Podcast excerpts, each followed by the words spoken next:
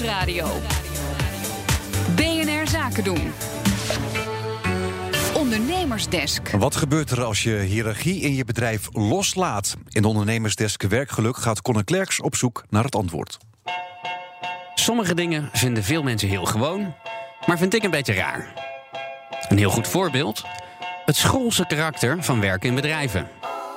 Je moet continu een eh, soort verantwoording afleggen aan je baas. Wat ben je aan het doen? Hoe gaat het? Is het al klaar? Terwijl je eigenlijk, als het goed is, precies hetzelfde wil als je baas.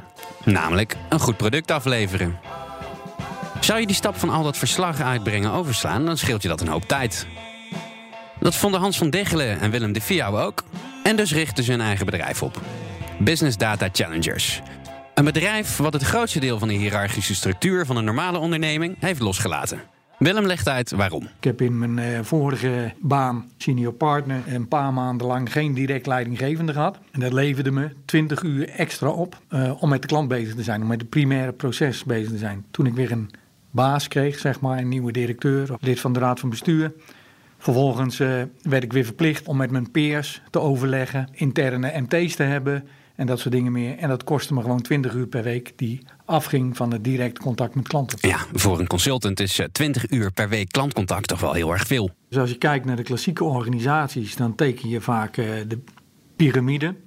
En de onderste lagen in die piramide, eh, dat zijn de consultants en de sales managers. Die zijn nog direct bezig met het primaire proces, namelijk de klant.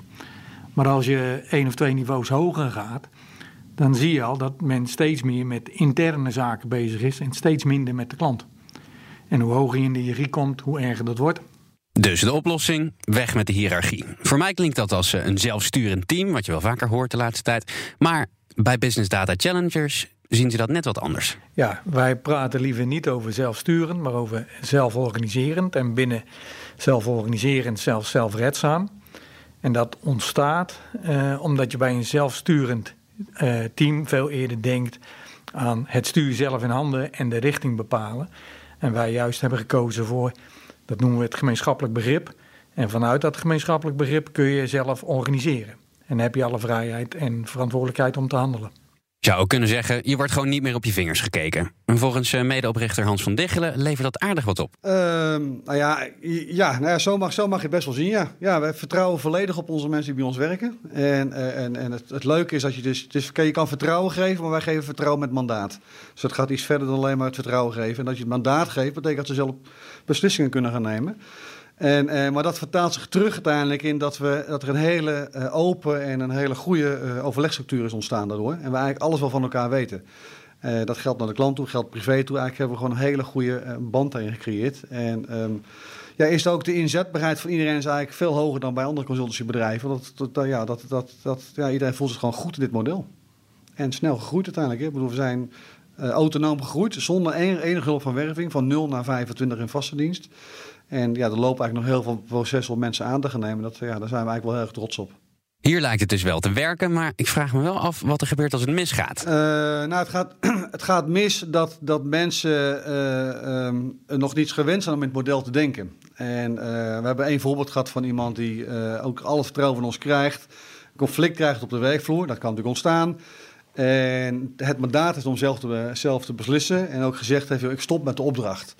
Dat, dat, dat mag ook, maar is niet handig.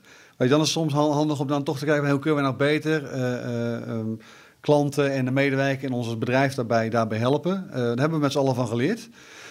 Dus, betekent, ja, dus dan kom je terug op de afspraak die we met elkaar maken. Dan maken we weer een afspraak met elkaar. Jongens, dat kan ontstaan. Ehm, gebeurt dat nou? Laten we met elkaar gaan overleggen hoe we dat soort dingen op kunnen lossen.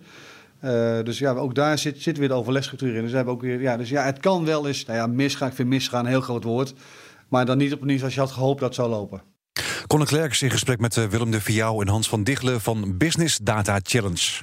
Ondernemersdesk Werkgeluk wordt mede mogelijk gemaakt door Effectory. Effectory. Listen, learn, lead.